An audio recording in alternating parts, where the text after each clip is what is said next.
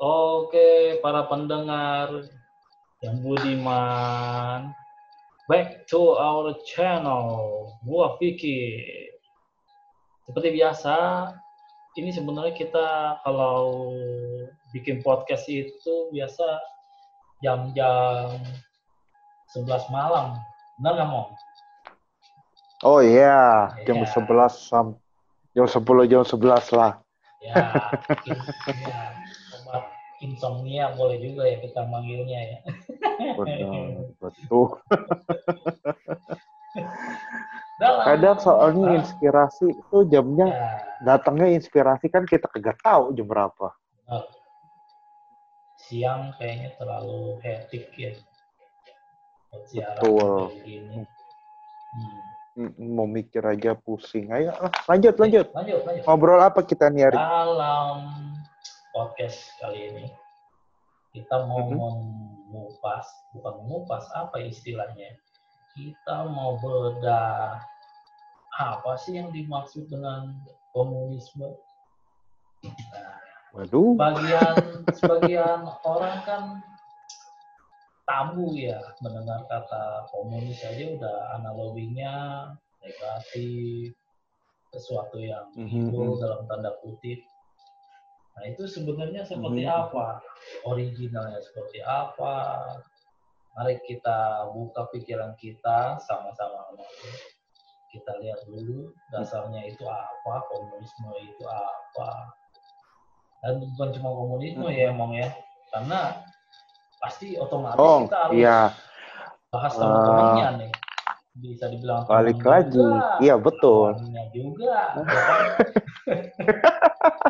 ya mau nggak mau ya. iya Eh, Oke, Ah, ah, pertama bentar, mungkin pertanyaan. tambahin dikit dulu Ah. kenapa gue pilih Aha. topik tentang komunisme yang dianggap tabu Ya. karena ya mungkin gue udah singgung di podcast kita sebelumnya ya gue udah jengah Oh, gitu. oke. Nah, dengar dikit-dikit orang nunjuk masa lu komunis PKI gitu ya. Nah, sekarang pertanyaannya, do you even know what you're talking about? Gitu. gitu. Gue mau pendengar kita, kalau dia mengatakan itu komunis, itu PKI, paling enggak dia sadar apa yang dia omongin. Gitu. Nah, itu yang mau gue angkat. Tentunya mengupas komunisme ini akan membutuhkan uh, waktu yang lumayan. Karena kita Iya. berangkat dari akarnya dulu ya, Mong ya. Betul, kita nggak bisa Keluar ngomong dulu. komunisme kalau kita nggak ngomong dari awal banget. Oh. Karena Bahkan masa apa ya, kalau ngom- komunis itu ter- ter- ter- muncul juga kita harus tercetus dulu dikit. Hmm. harus ngeliat dulu. Ah. Betul. Oke, pertanyaan jauh mungkin- Nah, Iya, mungkin pertanyaan menggelitiknya ini kalau Hmm. kita mau ngebahas komunisme, yes. siapa yang komunis di sini? Oh, aku sih, gua rasa sih gua enggak sih, bukan sih. Iya, Apakah Anda jangan-jangan? saya. Mungkin kalau ditanya 10-15 tahun yang lalu lebih gampang jawabnya. Oh, jawabnya? Oh, enggak. Gini, enggak. Eh, bagi gua pribadi, komunisme itu bukan suatu, enggak 100% gua banget, enggak. Kenapa? Dalam artian, apakah gua identify gua itu seorang Marxis? Bukan. Gua bisa bilang gua bukan Marxis. hmm, tapi tapi ada hal-hal menarik, hal-hal bagus juga yang bisa dipelajari dari situ. Ada juga yang nggak setuju tentunya ya. Tapi ada juga yang bagusnya juga gitu. So why not gitu kalau yang bisa diadopsi, kenapa tidak gitu kan? Jadi langsung aja nih, sebelum dengar lebih lanjut, Langsung. coba kosongkan dulu pemahaman kalian, kita telah dengan pikiran yang jernih. Hmm, Setuju, setuju. setuju. Oke, Hmm. sepintas ya dalam pemahaman gua. uh, akar dari komunisme itu sendiri sebenarnya dia pengembangan dari paham sosialis, benar nggak? Sosialisme, lanjut. Yes. Mm -hmm. Ya, lanjut. Jadi kalau hmm, mm -hmm. di mana paham sosialis ini sendiri kan uh, lebih bisa kompromi lah, nggak nggak se garis kelas komunisme. Oke, kalau dalam prakteknya ya, dalam prakteknya, yeah. dalam pemahaman umum zaman sekarang, ya, yang dipahami bahwa sosialisme adalah bentuk gerakan yang lebih kompromistis, yes. komunisme gerakan yang lebih radikal. Itu praktek yang dipikir, uh, yang dipahami oleh kebanyakan orang sekarang begitu. Hmm. Kalau kita lihat, padahal komunisme sama sosialisme ini sebenarnya tidak bisa dipisahkan. Kenapa? Karena itu proses. Proses, betul. Proses. Komunisme tuh kalau dibilang aslinya nih ya, aslinya. Yeah. Yeah. Sebenar-benarnya seoriginal-originalnya. Komunisme adalah uh, masyarakat, kondisi masyarakat post-kapitalisme. Setelah berlalunya post, masa okay. kapitalisme hmm. post kapitalisme itu komunisme sebetulnya sebetulnya transisi oh. dari kapitalisme ke post kapitalisme itu prosesnya proses sosialisme itu sebenarnya Oke, jadi itu masa transisi ya. Ya, sosialisme, sosialisme tuh kalau tercipta komunisme ya, murni. Betul, itu kalau kita referensinya materialisme dialektikanya si Karl Marx ya, ya kan gitu. Dan, dan Engels ya tentunya. Engels. Karl Marx pemikirnya tapi dia nggak bisa nuangin ke kata-kata yang enak dibantu sama Engels. Nah, karena kita udah berhubung udah sebut, siapa emang nama dua tadi? Ini Marx jangan sampai Engels, lu ya? nunjuk orang dasar komunis lu. tapi nggak pernah tahu nama dua orang ini. Iya. Iya. Coba. Marx dan Engels. Dibabat. Oh. Oke. okay. Karl Marx. Ini menarik kalau kita ngebahas tentang Karl Marx ini. Uh, top nama ini banyak banget, kontroversial banget, banyak banget yang menjadikan dia sebagai quote unquote nabi ya toh kiblatnya, kiblat perjuangannya, tapi ada juga yang bilang ini manusia paling rendah yang harus dimusnahkan. Ingatannya iya, dimusnahkan iya, dari iya. muka bumi. Ya, itu ada pemahaman yang begini tuh banyak. Sebenarnya Marx ini adalah seorang filsuf. Filsuf, betul. Bagi yang belum tahu filsuf. juga, filsuf itu apa? Hah? Itu adalah pemikir filsuf itu betul jadi yang pada akhirnya mencetuskan teori ya betul dan dia bukannya hmm. orang yang dalam artian militan ya mong ya? Bukan orang uh, yang, not necessarily. Uh, uh, dia kapasitas sebagai pemikir sih sebenarnya. Pemikir betul. So, dan juga seorang nah, ekonom ya? betul. Uh, aslinya bukan. Aslinya hmm. dia lebih banyak berkutat di filsafat.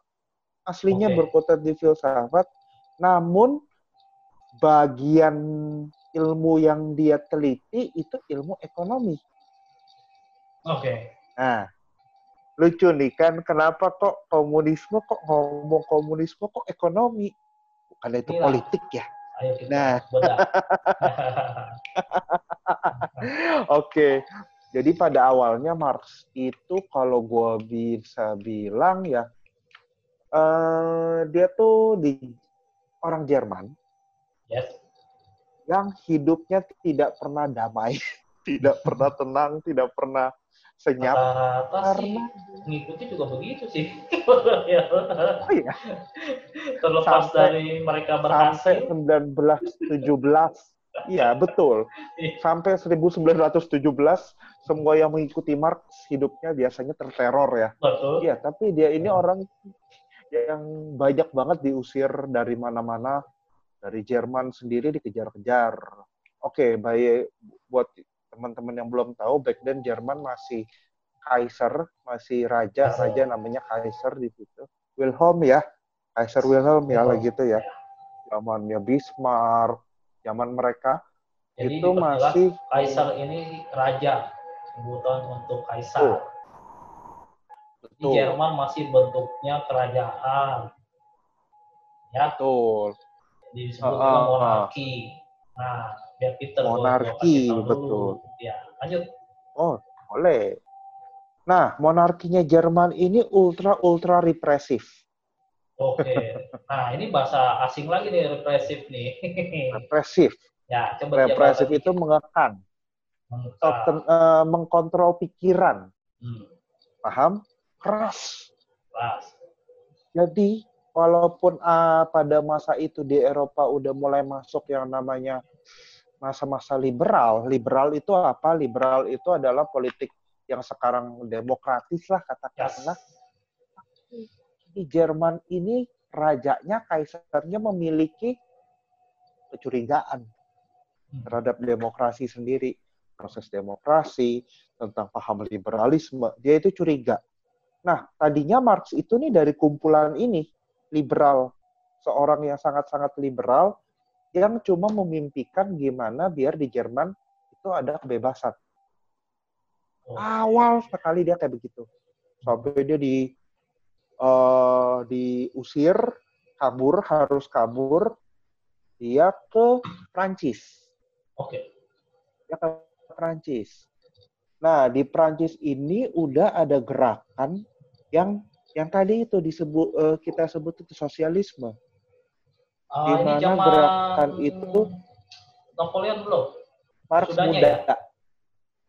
setelah Setelah kan? setelah Setelah Napoleon revolusi Prancis ya. Setelah setelah revolusi Prancis sudah Prancis sudah jadi republik lagi kan itu kan Prancis sama Jerman itu kan hubungannya kayak Ya, kayak Jawa lah daerahnya. ah kucing sama tikus. Kucing sama tikus. Tom and Jerry itu kan. Berantem mulu. Ya. Uh, uh, ini udah udah jauh dari masa Napoleon. Napoleonic era udah selesai. Prancis sudah jadi republik lagi. Nah di situ di Prancis itu paham liberalisme ini sangat berkembang dengan baik dengan Hmm. terpupuk dengan subur lah di situ. Sampai ada kaum kaum yang menamakan dirinya itu pengikutnya ya, ini ada nama-nama Ya. nama-nama yang nggak sebesar Marx cuma penting Ya. Se- ya ini Saint Simon Hmm. Proudhon ini Ini nama-nama sosialis ini ad- sosialis Sosialis. mereka kaum sosialis tapi ada tapi mereka nggak bisa mencakup pandangan mereka kepada suatu keilmuan jadi suatu pemikiran itu mereka nggak bisa jadi mereka masih bentuknya utopian impian aja ya. angan-angan Iya, angan-angan. angan-angan aja gitu Utopia itu kalau ditanya keadaan yang ideal lah menurut mereka gitu ya. betul betul Tapi untuk memulai ditanya jadi mewujudkannya itu pandangan lo apa masih jauh. bisa betul mereka ditanya pandangan lo apa ya yang masyarakatnya semuanya makmur Ya. ya yang nggak ada lagi yang menindas Hmm. oke jalan ke situ gimana ya lihat aja nanti Ya, itu nanti. utopian. itu utopian. Itu utopian nah Marx ketemu sama mereka banyaklah dia tukar pikiran dia ngobrol dia tukar pikiran dia ngobrol sampai pada satu titik di mana semua pandangannya dan masukan-masukan impuls baru ini sama pandangannya dia yang emang dari Jerman udah terbentuk sebagai seorang yang quote unquote liberal, yang radikal itu bersintesa lah, Hmm. membentuk suatu karya. Mungkin ini cepatnya aja ya, Ya, cepet aja. kalau diceritain panjang nih. Dia akhirnya sampai akhirnya dia ketemu Engels and the blah and the blah and the blah and the blah and the blah sampai keluarlah satu karya yang judulnya Das Kapital. manifesto. Komunis Manifesto ya, Das Hmm. Kapital itu judulnya. Oke. Das Kapital itu kan bahasa Jerman, eh, artinya bahasa Indonesianya sang modal. Sang modal. Oke, menarik. sang modal. sang modal. Ah itu bukunya Marx. Sang modal ini Dia intinya jadi apa? melihat intinya buku ini mengkritisi sistem yang ada waktu itu. Per- bukan cuma sistem monarkis lagi yang dikritik, tapi ini udah sistem global. Bahwa pada dasarnya, menurut Marx, pada dasarnya masyarakat ini sepanjang sejarah ini masyarakat yang selalu berkonflik. Ada pertentangan. Oke. oke. Ya iyalah dari Oke. zaman pra sejarah juga begitu. Iya, iya, itu. Ah, itu kita udah tahu. Iya. Tapinya kalau dibilang apakah ini perang pertentangan ini antar apa? Antar bangsa kah? Lebih Hmm. luas lagi. Antar ras kah? Lebih luas lagi. Antar agama kah? Lebih luas lagi. Pertentangan ini sebenarnya menurut Marx adalah pertentangan antar kelas. Pertentangan antar kelas. Ya. Kaum berada Kelas. lawan kaum Kaum. jelata. To put it uh, secara secara umum seperti itu. Nah, Ya. pertentangan yang bertentangan ini akan selalu berubah-ubah kata Marx seperti Hmm. mengikuti perkembangan oke. zaman. Oke. Ya, zaman yang lalu itu yang perang adalah mereka kaum feodal dengan kaum liberal ini, kaum Feodal. borjuis dengan- ini, bor, Hmm. feodal, Feodal itu kaum tuan tanah kan feodal ya? melawan kaum borjuis. Feodal itu kaum Sorry? tuan tanah kan? Tuan tanah yang masih menganut sistem kerajaan Kerajaan. bener-bener zaman dulu banget lah, Ya, kerajaan zaman ya. dulu banget lah itu. Yang Ya. semua didasarkan kepemilikan lahan. Kaum liberal, kaum yang kaum borjuis, sorry, liberalisme itu adalah pandangannya, tapi mereka kaum borjuis ini semuanya itu bukan lagi kepemilikan lahan, tapi besarnya modal yang menguasai jalannya semua. Oke. Paham ya? Paham dong. Jadi kalau kalau ketika dulu itu raja-rajanya mau rebutan, gue punya lahan lebih banyak dari lu, gue punya wilayah lebih banyak dari lu, kaum borjuis ini mau nge- malah mau ngedobrak batas-batas antar wilayah negara itu. Kenapa? Karena kepentingan mengembangkan modal, mereka harus dagang. Ya. Itu. Hmm. Makanya ada pertentangan di situ dan kaum feodal ini kalah lah intinya. Dalam pandangan Marx. pandangannya Marx sampai Hmm. akhirnya datanglah masa yang disebut masa era kapitalisme era di Oke. mana modal berkuasa intinya begitulah ya Ada berpuasa. Dan sampai sekarang ya begitu terjadi sih gitu. Iya, maka dari itu modal yang berkuasa itu pandangannya Marx jadi pertentangan kelas itu di, eh, di garisnya ada di antara di satu pihak ada kaum borjuis mereka yang memiliki modal dan bertujuan untuk membangun modal sebesar-besarnya dan kaum proletar. Kaum proletar adalah kaum pekerja yang tujuannya adalah bertahan hidup. See the difference?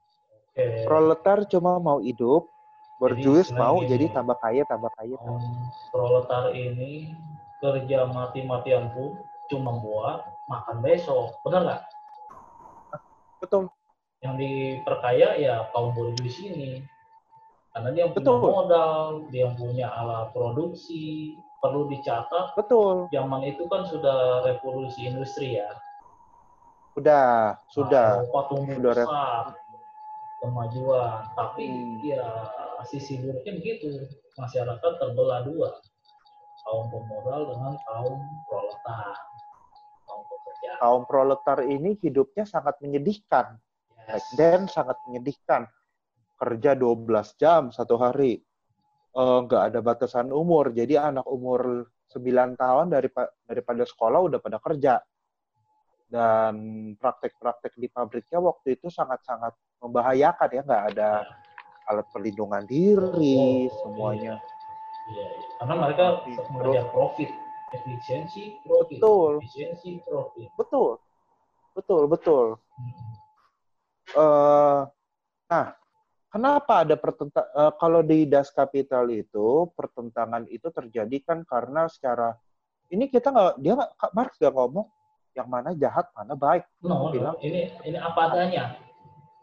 Betul. Hmm. Ini selalu berbeda.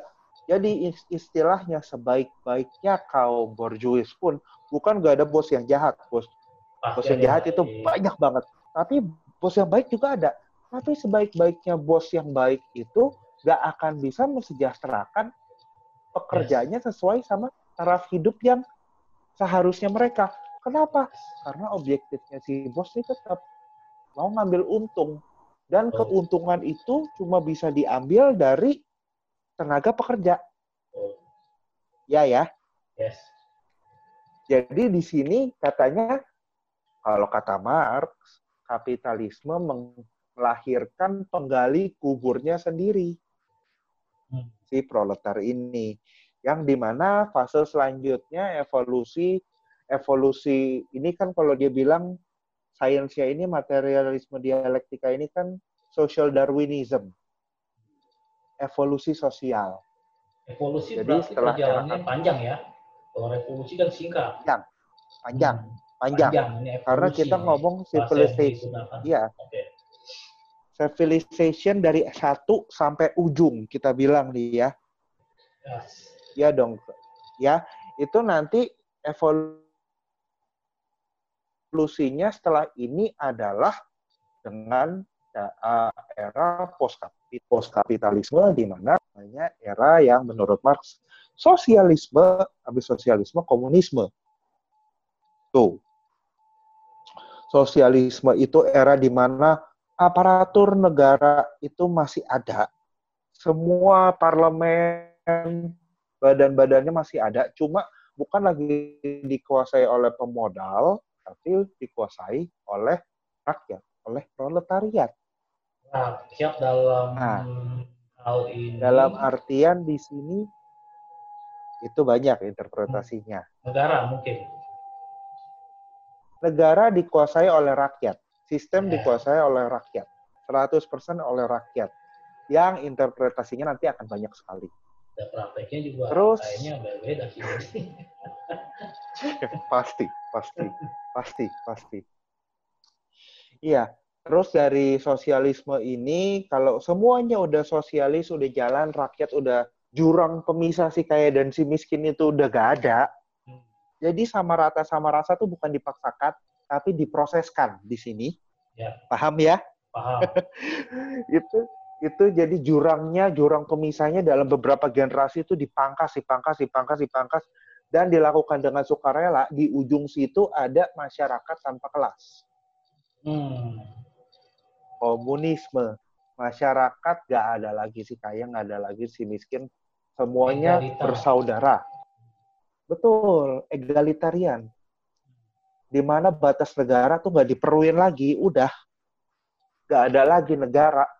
Semuanya sama semuanya tuh saudara lah. Der, itu, itu sangat sulit dibayangkan sih. Sangat. Sangat sulit dibayangkan. Sangat. Sangat jadi istilah kata kalau orang bilang itu kayak pie in the sky. Yes. Tahu gak? Pie in the sky. Di langit ada kue, tapi kayak gimana kagak tahu tapi enak. Iya, iya. itu adalah goal akhirnya kalau, komunisme ya, goalnya. Betul. Betul. Masyarakat yang tanpa kita batas, ini semua betul. tanpa golongan. Semua betul. Bersama Terus kan kalau gitu nanya dong, uh, pasti kalau di Indonesia terutama, hmm. di mana kayak gua yang masih memegang teguh itu Pancasila, di mana letak Tuhan di komunisme? Nah, ada yang nanya tuh kan pasti kan? Pasti apa pertanyaan nomor satu. Iya. Itu. Apa peran Tuhan pada teori komunisme? Di mana ada Tuhan? Oke, ini diluruskan Marx gak pernah mengkritik bahwa Tuhan tuh gak ada, enggak. Yang dikritik itu ke agama sebagai lembaga. Bukan kepercayaannya, bukan doktrinnya, tapi sebagai lembaga. Hmm. Karena nih, ini quote-nya dia ya. Agama adalah candu. Itu kan yang sering di-quote kan. Agama adalah candu masyarakat. Padahal masih ada belakangnya kan. Titik. Ada belakangnya. agama juga adalah bentuk dari jeritan hati masyarakat. Nah, Ketika kita benar-benar dipres, ditekan, kita udah nggak bisa apa-apa, kita nangis ke Tuhan, kita berdoa ke Tuhan. Yang, ya kan? yes. Jadi agama perlu nggak? Perlu. Kenapa? Karena itu adalah bentuk ekspresi kesengsaraan masyarakat. Ketika di dunia nih udah nggak ada temen, udah nggak bisa tahu cari pertolongan ke siapa, udah ke Tuhan aja deh. Itu itu Marx. Dia attitude-nya dingin ke agama, tapi nggak anti. Hmm. Paham ya? Dia Tahu, dingin. Ya, I don't want anything to do with that. Gue nggak mau urusan sama agama. Kenapa? Karena agama ranahnya bukan materialistik lagi, bukan dialektika materialis lagi. Ya. Jadi dia nggak mau urusan sama itu. Cuma dia nggak anti. Yang anti agama itu, ha, penerusnya nanti banyak. Om Botak. Om Botak dan kawan-kawannya lah itu mah. Kamra. Yang kamrat, kamrat, kamrat itu Siapa kan Vladimir dia? Nah, nanti kita sampai ke situ. Lenin. Nanti kita Oh, sampai udah ke dia. Dulu, Nanti- bukan Kamra. Namanya doang, namanya doang. Lanjut.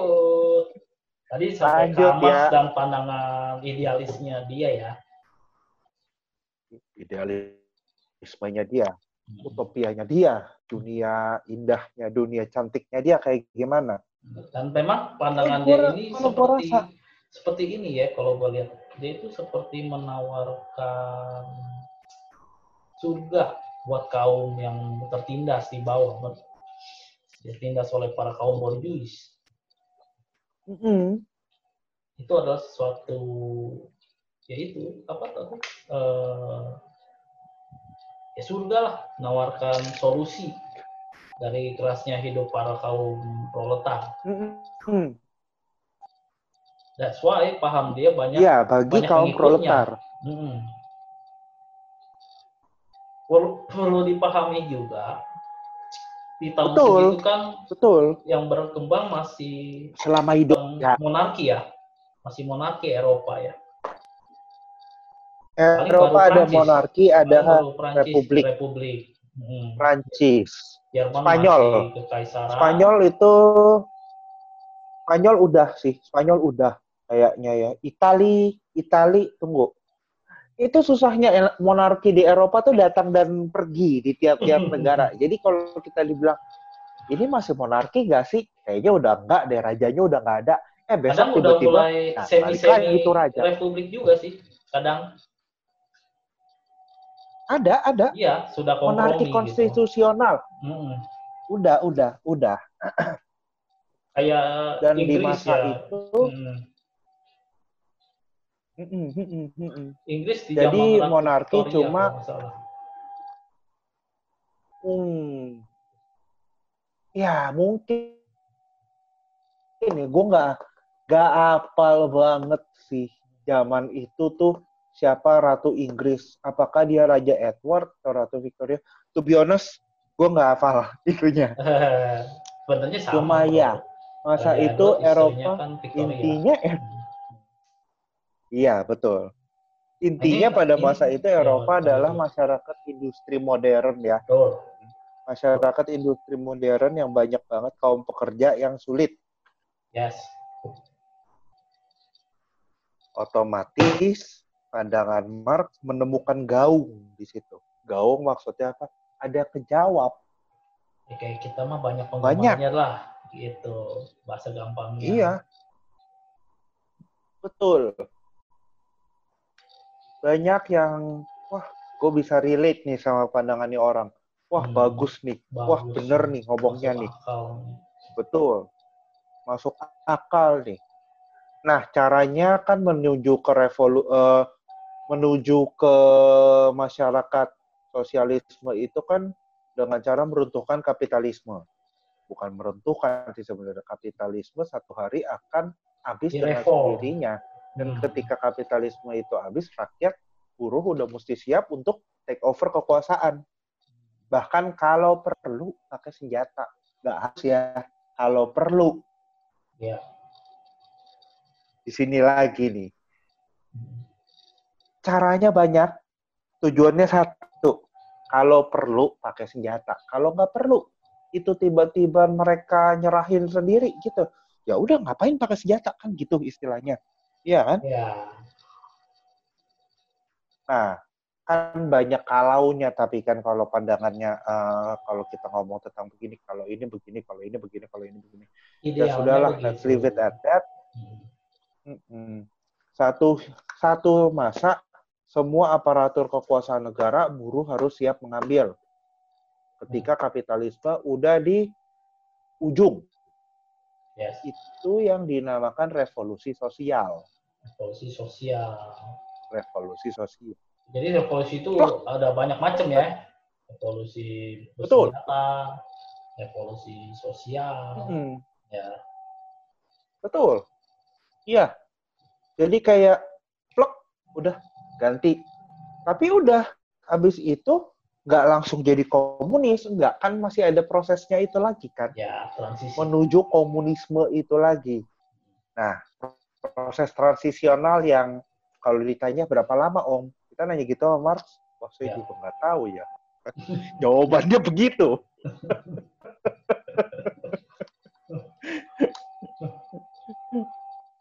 Aduh. Ya. Oke, kita berlanjut nih ya. Sebelum lanjut, kita, kita berlanjut. rangkum lagi nih intisarinya. Jadi, boleh, boleh, boleh. Perjalanan huh? paham komunisme itu terlahir dari paham sebelumnya yang disebut sosialis. Uh-huh. Di mana sosialis yeah. ini sendiri uh, seperti antidot ya dari keadaan kapitalisme di Eropa pada waktu itu. Hmm. Penawaran Karena kapitalisme itu kan menciptakan jurang antara pemodal dengan kaum proletar.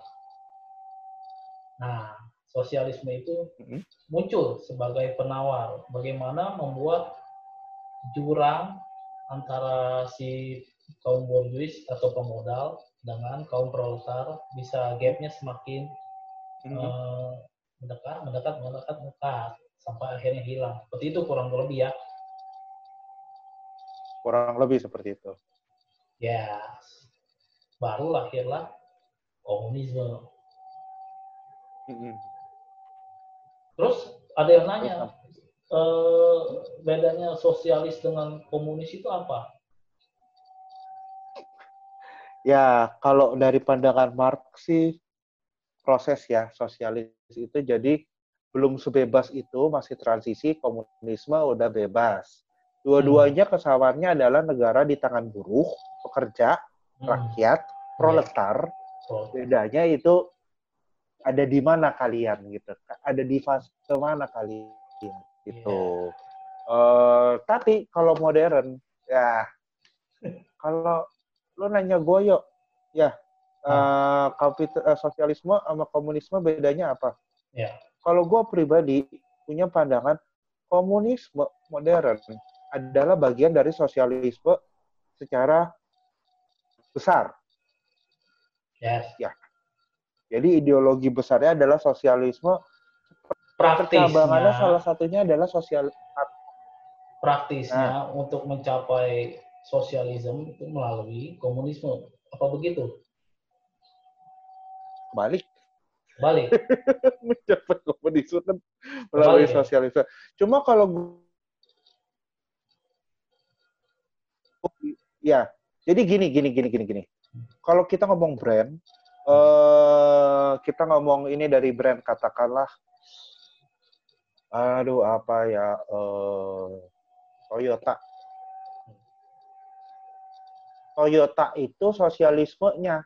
Innova itu komunisme. Ya benar gitu. kalau lu nanya gua. Iya. kalau lu nanya gua kayak gitu. Hmm. induknya sosialis tapi semua anda hmm. Uh -uh. betul. betul.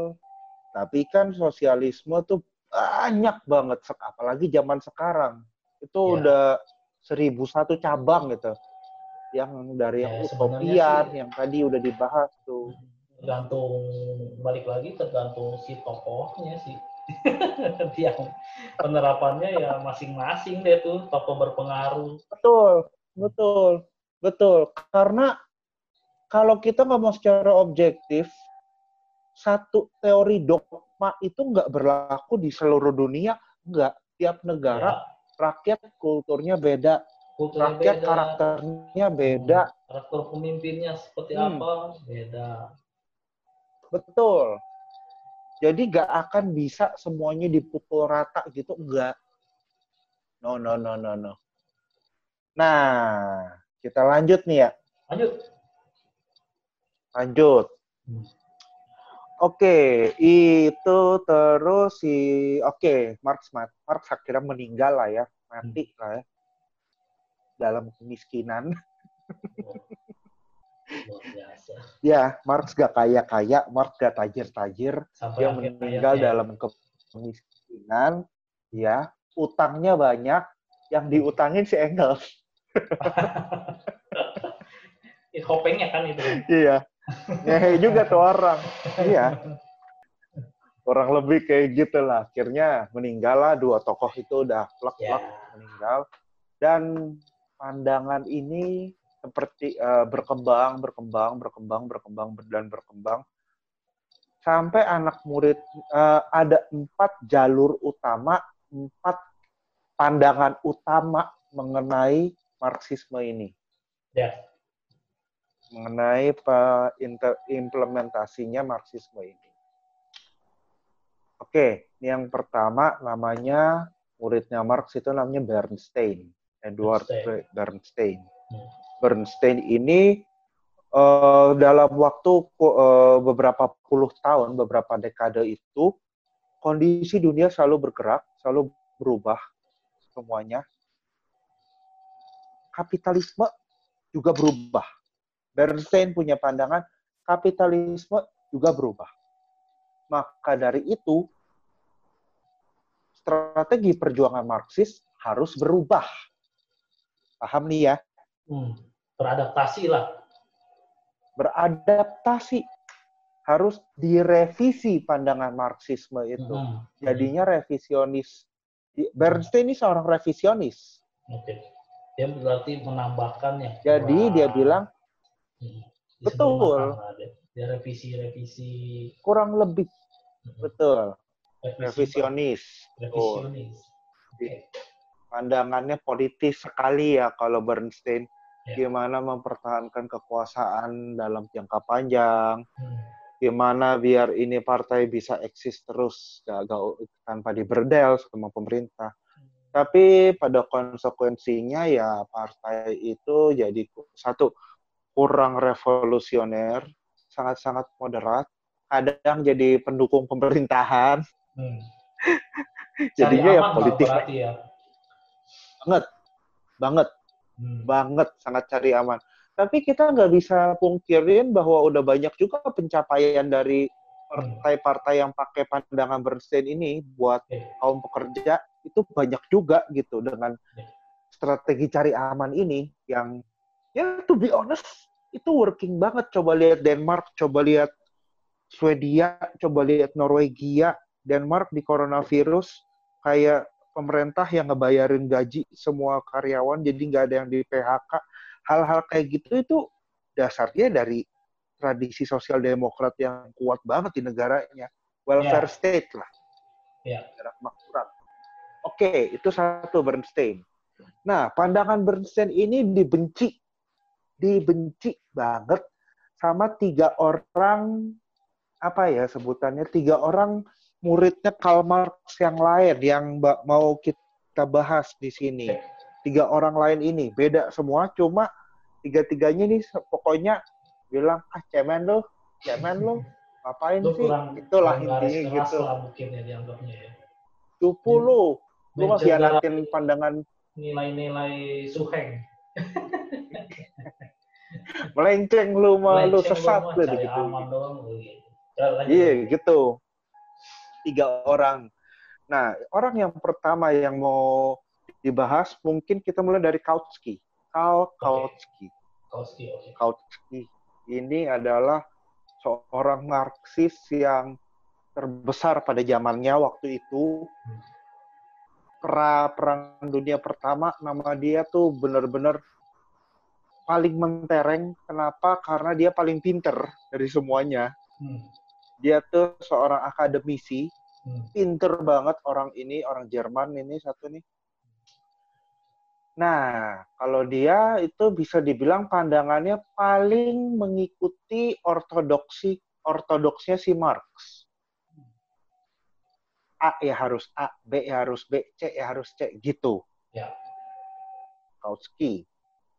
Dia punya pandangan bahwa reformisme itu akan melemahkan semangat juang kaum buruh. Reformismenya Bernstein ya, Ya. dan nantinya kaum buruh nggak akan jadinya ya akan ditindas terus lama-lamanya karena udah enak gitu Ya, betul. pandangannya dia begitu nah kalau dia punya pandangan runtuhan kapitalisme itu adalah iya dan amin kalau dia bilang. Iya dan amin sudah Hmm. pasti 100% Runtuh Akan datang. Oke. betul akan runtuh. Jadinya kita nggak usah takut. Buat apa takut? Buat apa ngumpet? Buat apa kita eh, nunduk-nunduk ke kapitalisme? Orang akan runtuh juga. Betul pandangan dia. Cuma kalau semua objektifnya belum meet semua objektifnya ini belum tercapai kapitalisme nggak akan runtuh. Dan dia ngelihat keadaan kondisi masyarakat itu ya belum siap, buruh belum siap. Jadi ya buruh buat apa turun ke jalan? Buruh buat apa demo-demoan? Buruh buat apa teriak-teriak? Lah orang lu aja belum siap kok. Indikatornya siap itu apa? Itu kalau ditanya gitu cuma Kautsky yang bisa jawab dan Kautsky sendiri pun like, kalau ditanya gitu Ya. waktu itu jawabannya pelentat-pelentat ke mana-mana. Ah, kita ini perjuangannya perjuangan state of attrition. Attrition tuh tahan-tahanan. Ah lah, apalah tahan-tahanan lah. Oh, Kautsky, Kautsky. Dia akhirnya mencari pembenaran dan akhirnya malah jatuhnya pasifistik. Sangat-sangat pasifistik. Dia nggak rekomen ada aksi apa-apa dari kaum pekerja. Tunggu aja. Nanti juga runtuh sendiri. Gak us, gak, ya itu karena dia ortodoks banget dan dia akademis ya. Ya. Bukan militan. Ya. ya.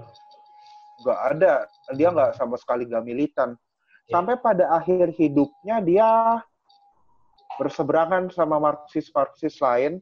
Ketika waktu itu habis perang dunia pertama Jerman udah kekaisaran runtuh jadi republik dia dapat jabatan or something dan pandangannya jadi sangat-sangat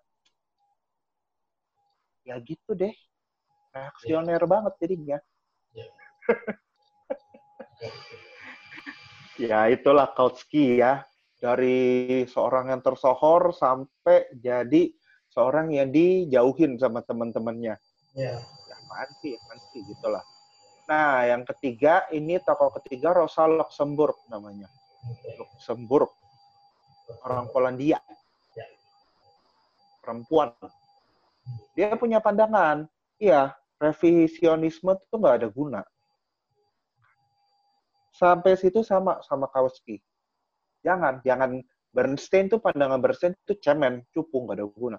Cuma dia punya pandangan Kautsky juga salah. Gue juga mesti ngeritik nih Kautsky. Kenapa? Kita nggak boleh ngapa-ngapain for the sake of the Lord. Enggak.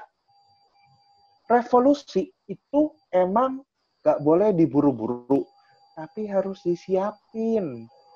Ya. Buruh harus terus-menerus menerus mempersiapkan diri. Gimana cara mempersiapkan dirinya?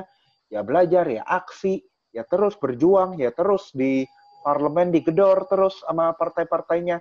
Ya di jalanan kalau ada yang nggak suka ya demo terus, terus, terus, terus, terus. Tapinya di sini, di sini Luxembourg itu punya pandangan yang menarik. Dia bilang, negara yang udah post kapitalis itu harus nih. Ini gue dari tadi gue quotingnya nggak exact same words ya sama mereka ya. Ya, Cuma intinya aja iya. bahwa pada intinya negara itu harus bisa menjamin kebebasan semua orang di eh, yang tinggal di negara itu. Kalau Hmm. kebebasan itu cuma dinikmatin sama kaum mayoritas, gak peduli seberapa banyak pun, itu namanya bukan kebebasan.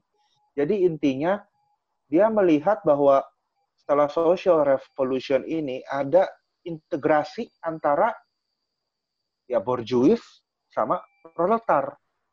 Udah, udah damai sekarang. Proletar yang berkuasa, proletar yang jalanin bikin program kerja dan lain dan kebijakan-kebijakan, coba udah nggak usah gontok-gontokan lagi, berjus, ayo sini kalau mau ikut dirangkul, ayo. Tapi kalau lo mau ngebangkang ya gue masukin penjara. Intinya kayak begitu. Akhirnya nasibnya Rosa Luxemburg juga menyedihkan. Dia sama temennya yang gue nggak bisa pronounce, namanya Lipknecht atau apa, gue nggak tahu cara pronounce gimana. Nama Jerman susah cuy. Ya. Dia melakukan suatu semacam kayak pemberontakan kecil. Kenapa pemberontakan kecil? Gue bilang, ya waktu itu setelah Perang Dunia Pertama, Jerman tuh negaranya gonjang-ganjing banget Ya. berantakan banget. Akhirnya dia sama eh, sama apa ya sebutannya Liga Spartak eh, Liga Spartacus kalau gua nggak salah dia punya gerakan namanya itu ngambil alih kekuasaan di satu kota itu pun gue lupa kayaknya di Berlin dia bisa ngambil alih kekuasaan dan dia bikin semacam kayak pemerintahan sosialis di situ komun lah komun di Berlin tapi karena nggak ada support dan strateginya itu kurang mateng, nggak ada unity sama sekali, ya udah aja gitu. Diserang tentara, tangkepin, ditembak, mati. Hmm. Kelar, kelar. Dalam waktu sing sesingkat itu, kelar. Luxembourg juga. Nah, yang keempat yang paling menarik. Yang keempat itu icon. Udah dinaikin statusnya menjadi salah satu icon yang namanya Lenin. Vladimir Lenin. Itu ya yang tadi kita udah singgung di awal. Iya. Oh iya. Jadi Marxisme, Leninisme. Waduh, udah namanya udah dinaik. Udah di atas itu gitu. Ini sekarang kalau dari tadi teman-teman ngedenger ini udah tahu nih ya. Marxisme, Leninisme sama Marxisme ortodoks itu beda. Marxisme ortodoks yang menjalankan adalah Kautsky. Ya. Itu. Ini versi ortodoks. Lenin sendiri ini. Oh, ini versi Lenin. Iya. Ya. Jadi kalau Lenin itu bilang begini, untuk kita mencapai revolusi yang secepat-cepat, secepat-cepatnya. Saat itu juga Ya. diperlukan suatu partai, partai yang isinya semuanya militan, semua isinya revolusioner profesional. Dalam artian ya yang keras-keras lah. Gak ada itu pemikir, gak ada itu filsuf, gak ada itu orang yang bisa negosiasi. Enggak, semuanya pejuang ini partai yang tugasnya ngedidik rakyat. Partai Va- Vanguard Party, namanya Vanguard Party itu bahasa Indonesianya partai pelopor lah. Ya. Ini partai pelopor, isinya semua militan. Oh, dan isinya semua militan, otomatis kalau militan kita tahu itu semua isinya pasti pemberontak semuanya ya. Elemen-elemen yang kurang mendapatkan tempat di Kongres dan di masyarakat pada waktu Pokoknya itu. Gabung semua. itu. Gitu, tukang nyari ribut istilahnya. Kita, Dan obviously- kita info dulu, Lenin ini orang Rusia ya, Soviet, ya Rusia. Rusia, Rusia. Rusia, belum Rusia. di Soviet. Rusia. Rusia. Betul. Rusia, Iya. dia salah satu murid Karl Marx Iya. yang yang yang ini banget deh sama ideologi komunisme ya dari Karl Marx. Ya. Ya. Dan Ya, ya. itu, Ya betul. hmm, dari latar belakangnya itu sebenarnya kaum menengah sih sebetulnya dia ya terpelajar Iya, kaum terpelajar dia itu familnya itu dia kaum terpelajar loh Terpelajar, betul. hmm. Tapi terpelajar secara militan. ya militan karena memang banyak peristiwa juga sih dalam hidupnya yang bikin dia jadi agresif Betul, Uh, betul. Dia diusir dari Rusia. dari Rusia dari Rusia kakaknya juga digantung karena Iya, pemberontakan kecil dan gagal iya. Terus eh, keluarganya kan semacam kayak dihabisin, reputasinya dihancurin, gitu. ya sakit hati lah. Betul, Hmm, betul. Itu kayak dia ada rasa sakit hati yang begitu pasti. besar lah, sama ya ketidakpuasan itu kan. ya Makanya dia menjadi seorang yang sangat radikal. Dia akhirnya menekankan di pandangannya pentingnya partai pelopor ini. Ya. Nah, nah eh, Akhirnya, dulu nih. dia yang ini tadi pertanyaan yang awal timbul ini dia orangnya nih apa hubungannya yoi.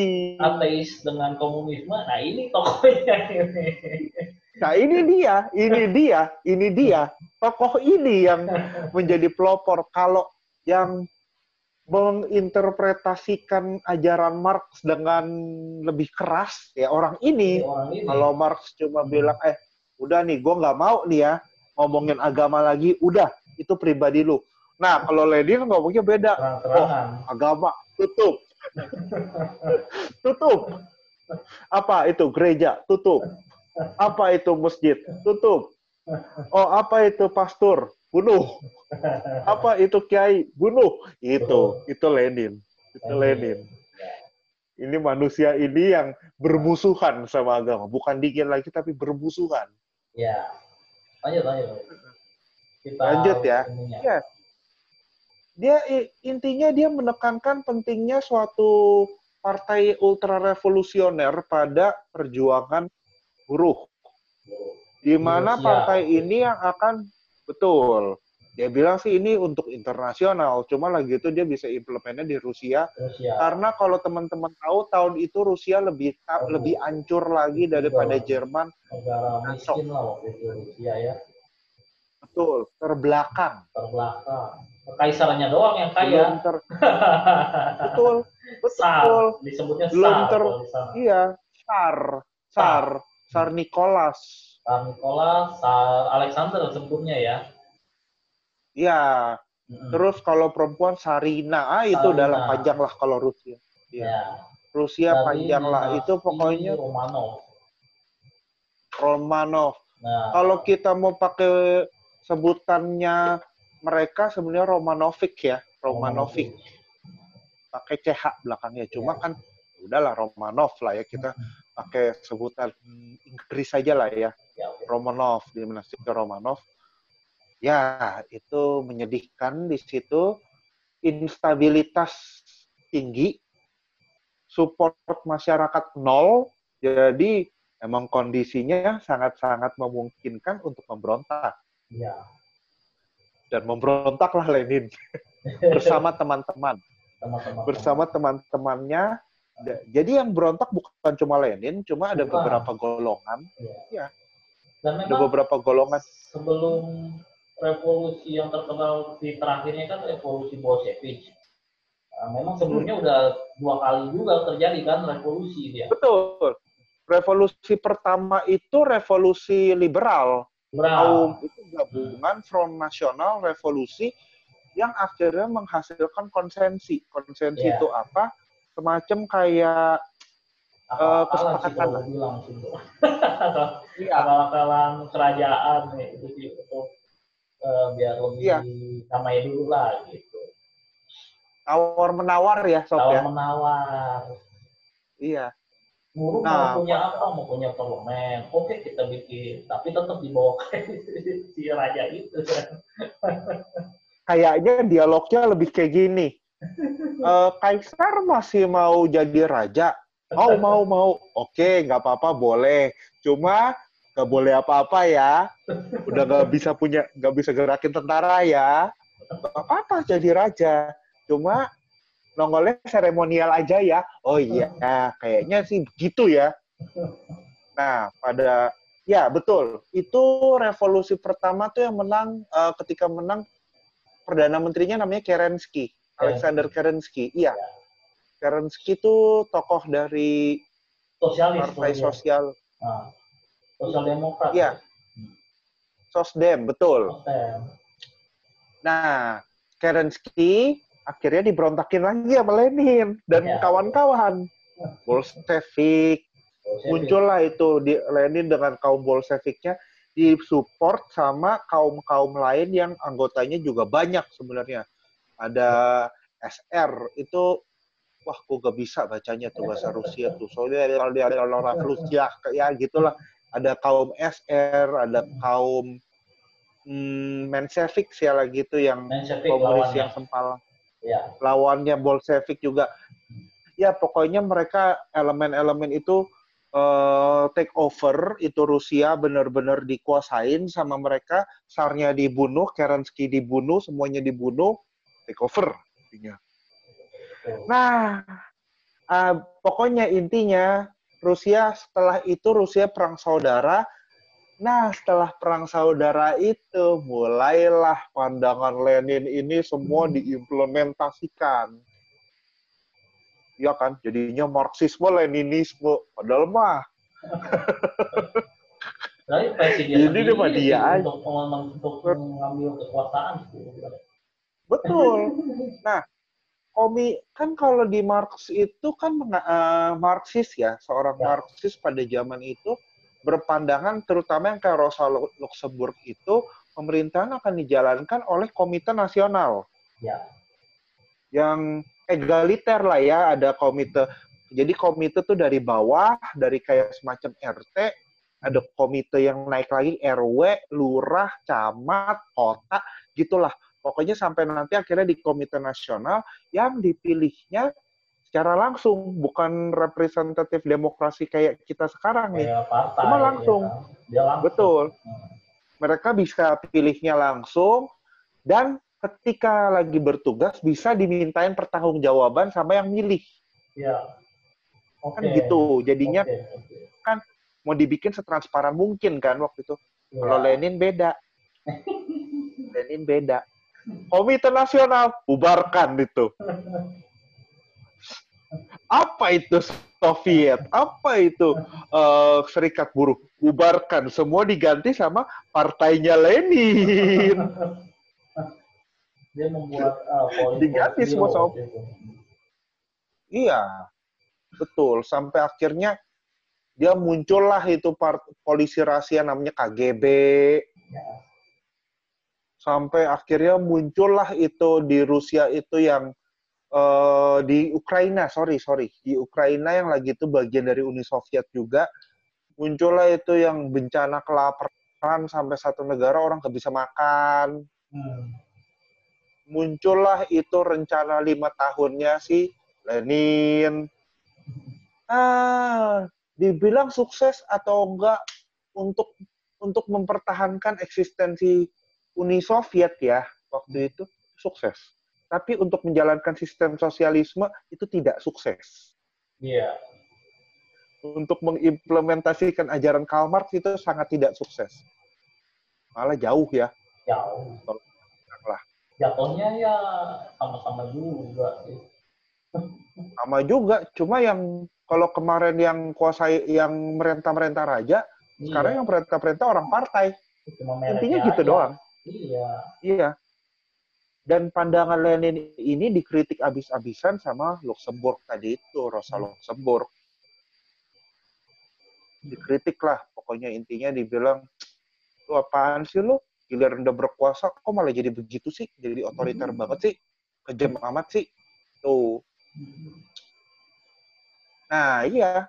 Dan kenapa Marxisme itu identik dengan Leninisme? Karena manusia satu ini paling sukses. Ya. Branding dia Iya. ini paling kuat sih. Personal branding paling bagus Personal sampai dia bisa bikin kultus personality. Nah, Cult of personality. Hmm. Heeh. Eh, dan dia paling paling kejam. paling kejam dibandingin yang lain, paling keras. Jadinya ya dia bisa memaksakan kehendaknya dia di satu negara itu ya dan sukses lah dibandingin kedua temannya tadi Kautsky dan Luxemburg itu. Dan ada Bernstein juga sukses, cuma Bernstein sekarang udah lebih nggak terlalu kedengeran namanya, nggak terlalu berasa pengaruhnya karena partainya moderat semuanya. Jadi nggak ada yang turun ke jalan, nggak ada. Yeah. Make sense ya? Ya, jadi itu empat. Jadi itulah cikal bakal kenapa partai komunis seluruh dunia itu mengambil kiblatnya pertama tuh ke Lenin, baru ke Marx. Jadi kan itu kalau kita naik tuh di bawah Marx itu pasti ada Lenin dulu yang mesti dilewatin. Kenapa jadi begitu? Karena dia yang paling sukses dari semuanya. Dan baru dari situ mulai deh bermunculan Mao Zedong Ah itu, itu anak buahnya semua tuh, yeah. penerusnya Stalin, orang gila. manusia kejam itu manusia kejam Stalin itu. Trotsky, Trotsky tukang cari rusuh, cari ribut. Kalau Trotsky kan suka sukaannya kan itu, bikin demo di negara lain. Aduh. Itu tragis semua sih. Tapi tragis, nasibnya semuanya itu tragis dan apa ya? Akhirnya iya, pada pada akhirnya hmm? sejarah mencatat tidak ada negara komunis yang sukses pure menjalankan ajaran pakem awal Karl Marx ya. Nggak ada. Sejarah mencatat tidak ada satupun negara yang berhasil menjalankan komunisme. Ya. Bahkan berjalan ke arah komunisme, sosialisme, lucunya itu banyak kan dilakukan oleh negara yang nggak pakai embel-embel gitu. Iya. Lucunya gitu, lucunya gitu yang pakai embel-embel adanya kediktatoran, adanya ya ya begitu, jargon Ketika aja. Membuat bahan propaganda sih jatuhnya ya. Betul, betul. Karena, untuk rakyat, iya. untuk rakyat, untuk rakyat. Betul. Propaganda Lenin kan waktu itu uh, peace, land, and bread. Damai, ah. tanah, dan roti. Dia janjikan yeah. itu kan buat rakyat Rusia kan lagi betul itu repression gitu kan nah ini setelah sampai di hmm. puncak hmm. ya sama juga diktatorship juga iya iya akhirnya yang dapat and Bread itu cuma anggota cuma birokrat partainya doang rakyatnya mah masih tetap aja macul juga pak di mana gagasan ideal apa uh, produk pabrik-pabrik dikuasai rakyat, rakyat punya properti. Ah, bullshit semua udah implementasinya. iya, implementasinya pabrik dipegang sama partai semua. Satu negara punyanya partai jadinya dan iya. apa ya kritiknya kan negara komunis pada waktu itu sama sekali bukan sosialis, tapi kapitalisme yang diarahkan oleh negara. State control capitalism. Kalau biasa kapitalisme diarahkan sama bisnis, pebisnis, yeah. pemodal, ini yang ngejalanin negara. Udah, sama aja. Cuma pada yeah. esensinya sama aja. Sama aja ya benar, sama aja. Sama aja, sama aja. Iya, jadi gue setuju kalau ada orang yang bilang sosialisme tuh belum terbukti karena nggak ada satupun negara sosialis yang sukses. Iya, karena nggak akan itu nggak pernah jalan. Nggak pernah jalan. Nggak pernah itu nggak pernah jalan. Ini ngelurusin lagi nih ya. RRC, Uni Soviet, Korea Utara, itu nggak ada yang komunis, Pak. Iya, itu gue lurusin lagi. Semua itu semua diktator gak ada yang komunis pak hmm. sampai Kuba Kuba ya kan? mendekati hmm. mendekati cuma bukan belum belum bisa dibilang. Cuma mendek, paling mendekati mungkin Kuba. Karena Castro waktu itu orangnya lebih nyantai ya. Iya.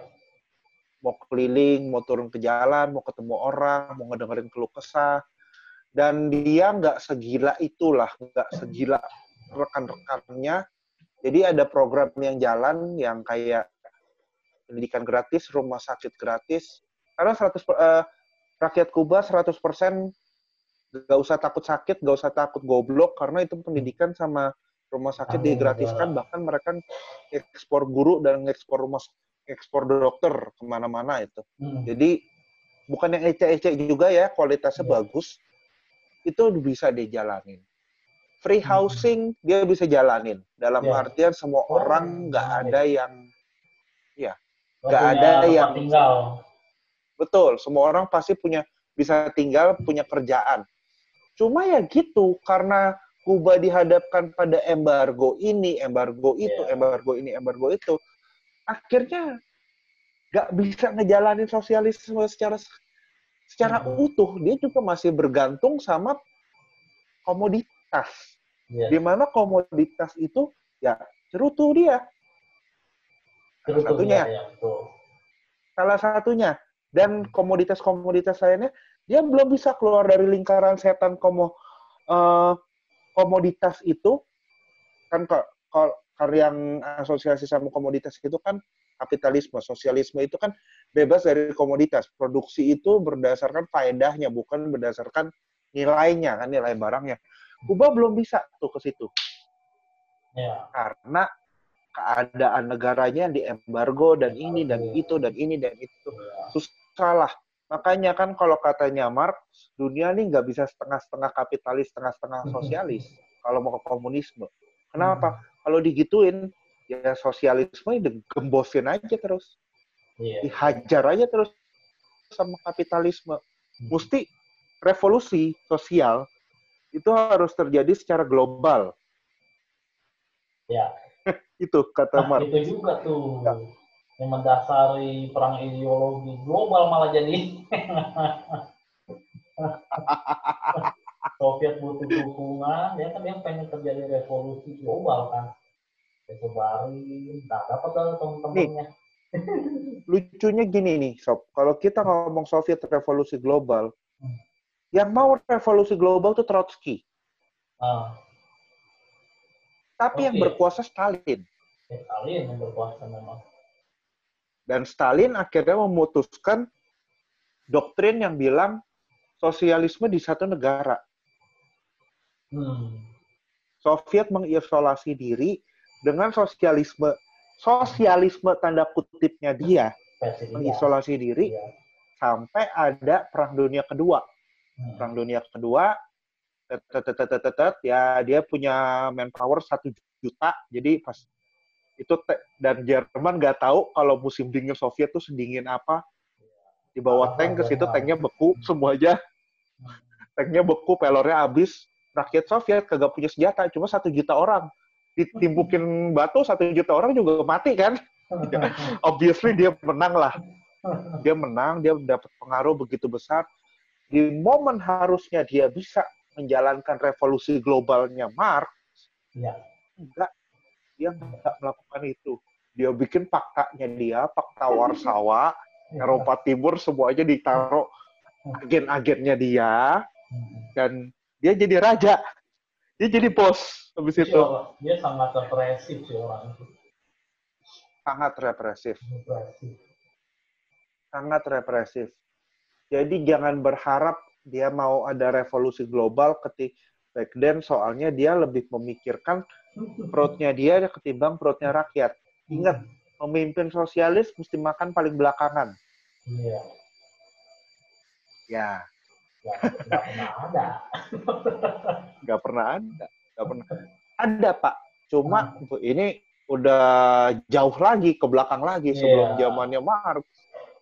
Ada itu yang secara doktrinal sosialis sekali, tapi sekarang implementasinya nggak sosialis sama sekali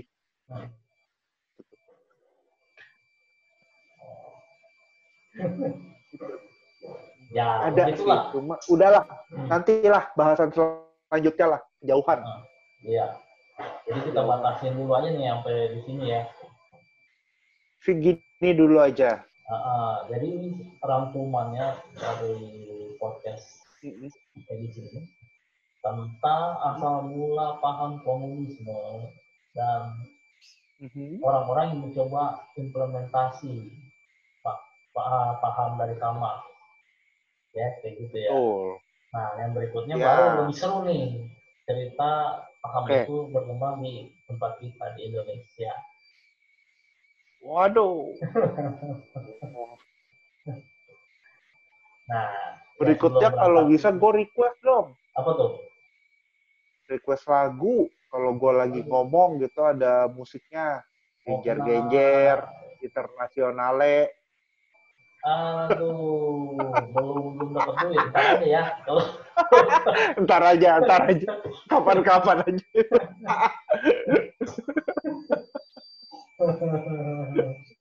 Aduh, boleh, boleh, boleh. Ya, Jadi tapi sebelum ya- kita mengarah ke situ, kita kuatin dulu pemahaman para pendengar. Komunisme itu murninya seperti apa?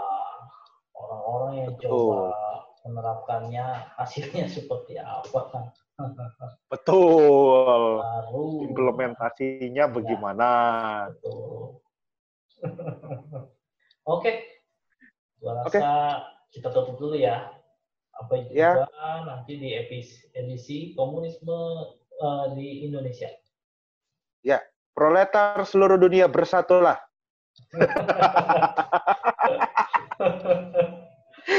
Oke, sampai jumpa. Sampai jumpa.